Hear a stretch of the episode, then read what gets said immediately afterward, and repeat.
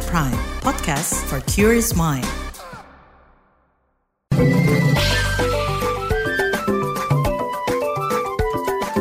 WhatsApp Indonesia.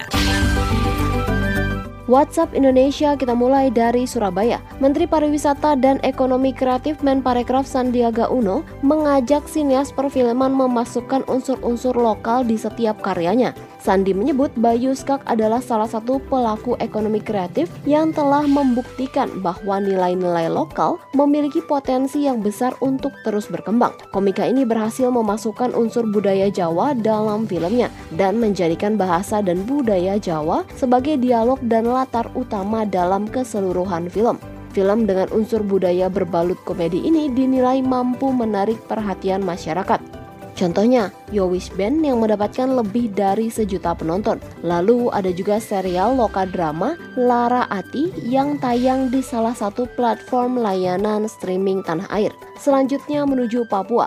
Wakil Presiden Ma'ruf Amin menegaskan pembangunan di Papua harus dirasakan oleh masyarakat setempat, tak hanya masyarakat atau pekerja yang berasal dari daerah lainnya seperti DKI Jakarta. Pernyataan ini dikeluarkan Ma'ruf Amin untuk menjawab kekhawatiran soal pembangunan di Papua yang tidak tepat sasaran. Ma'ruf memastikan segala pembangunan dilakukan untuk kepentingan dan memajukan Papua. Karena itu, Ma'ruf juga meminta masyarakat Papua mendukung program-program percepatan pembangunan yang dilakukan pemerintah.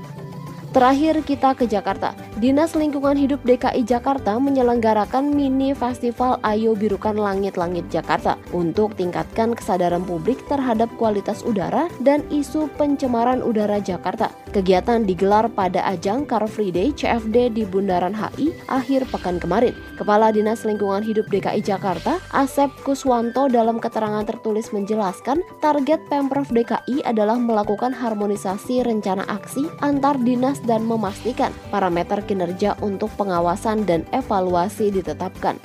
Menurut Asep, Pemprov DKI Jakarta telah mengambil sejumlah langkah guna memulihkan kualitas udara, antara lain mengambil inisiatif mendorong percepatan perbaikan kualitas udara Jabodetabek melalui strategi pengendalian, uji misi kendaraan bermotor, pengelolaan dan pertukaran data terpadu, serta inventarisasi emisi. Demikian WhatsApp Indonesia hari ini.